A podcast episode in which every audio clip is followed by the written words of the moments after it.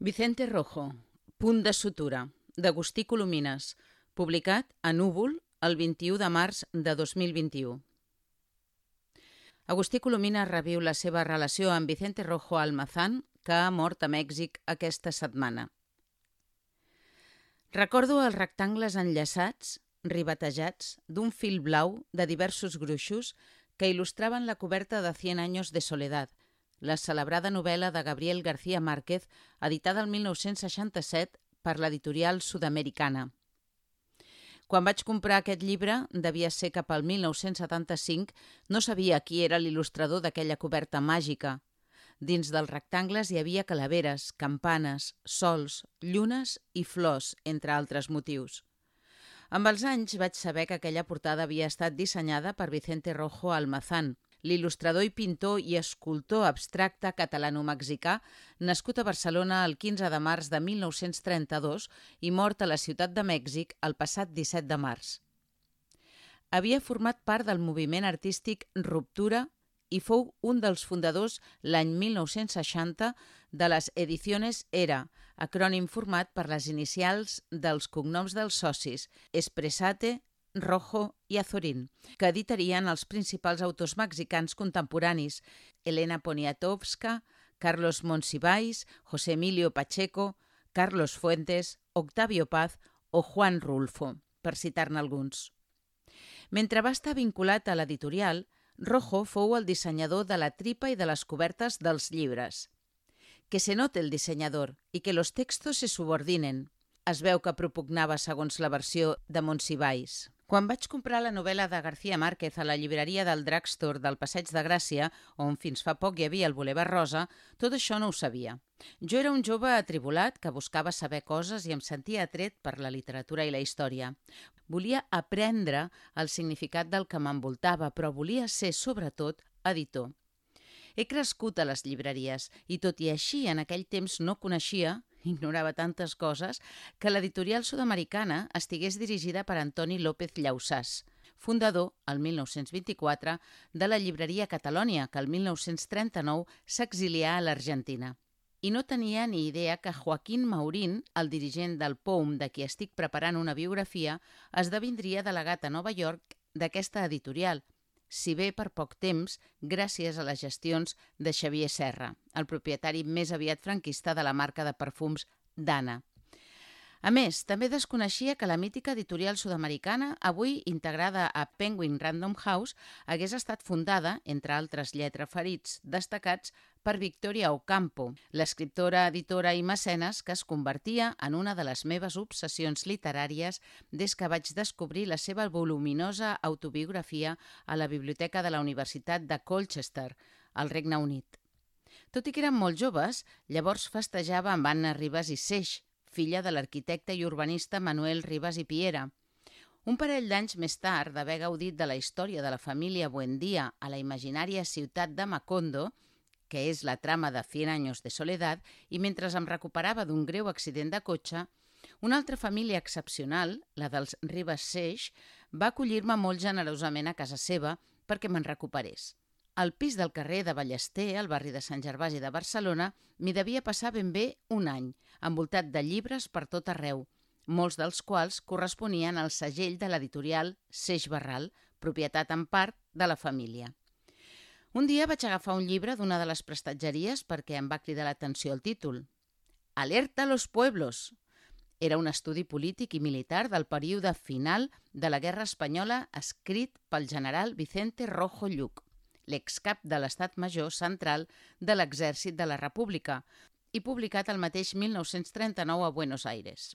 Sempre he dit que la lectura d'aquell llibre, que jo vaig llegir en la versió de 1974 publicada per Ariel, va fer que em decantés per estudiar història en comptes de literatura.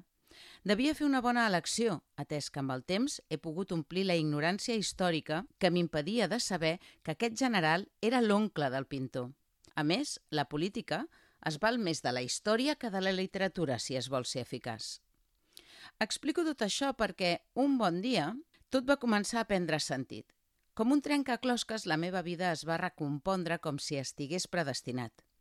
Retalls de vida com aquelles retaïles, novel·lades per Carmen Martín Gaite, en forma de monòlegs que permeten donar sentit al temps i als espais viscuts. Un cop vaig acabar la llicenciatura l'any 1984, vaig entrar a treballar a l'escola Isabel de Villena per substituir a Andreu Mayayo, que havia obtingut una beca de formació del professorat per integrar-se a la Universitat de Barcelona. En aquella escola, dirigida per la pedagoga i traductora Carme Serrallonga, que en aquella època ja estava ubicada a Esplugues de Llobregat per damunt de l'Hospital de Sant Joan de Déu, també feia classes una madrilenya que enganyava tothom perquè parlava un català sense accent de cap mena i amb molta pulcritud. Era la professora de Ciències Naturals. Me'n vaig enamorar i amb els anys m'hi vaig casar. Però abans d'arribar aquí, primer vaig haver de conèixer la seva família, perquè, malgrat ser de filiació republicana, els seus pares, més el pare que la mare, tot sigui dit, eren força tradicionals. Aquella professora de ciències, geòloga, d'uns ulls verds cristal·lins vivíssims, baixeta i amb un posat una mica afrancesat, tot i que havia estudiat a l'escola italiana, era la neta del general Vicente Rojo, qui a la vegada era l'oncle de l'il·lustrador del llibre de Gabriel García Márquez.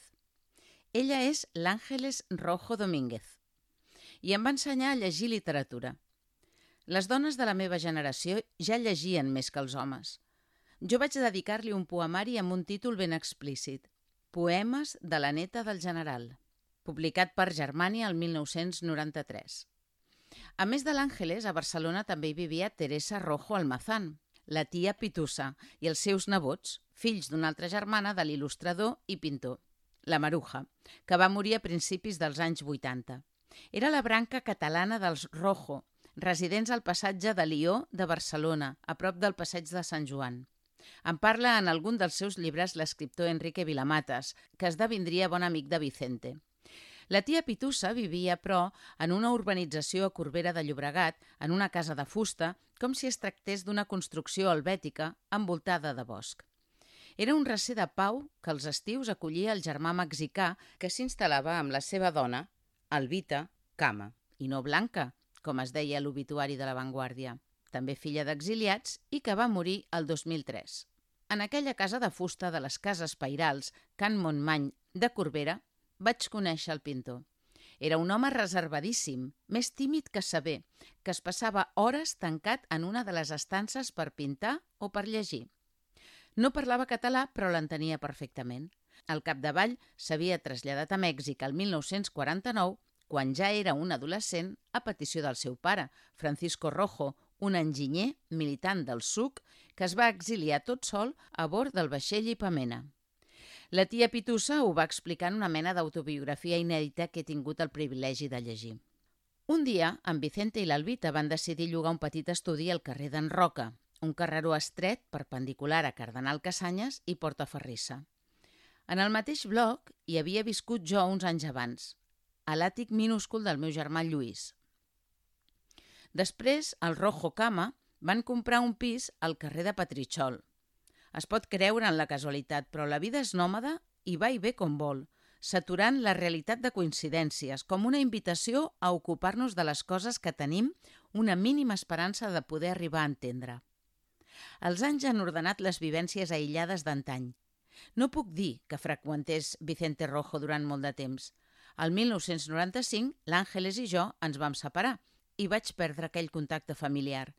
Però sempre que exposava a Barcelona em convidava a la inauguració i m'hi sentia molt a gust observant els quadres de la sèrie México bajo la lluvia, una versió de la qual penja el menjador de casa l'Àngeles o els més recents de la sèrie Paseo de San Juan.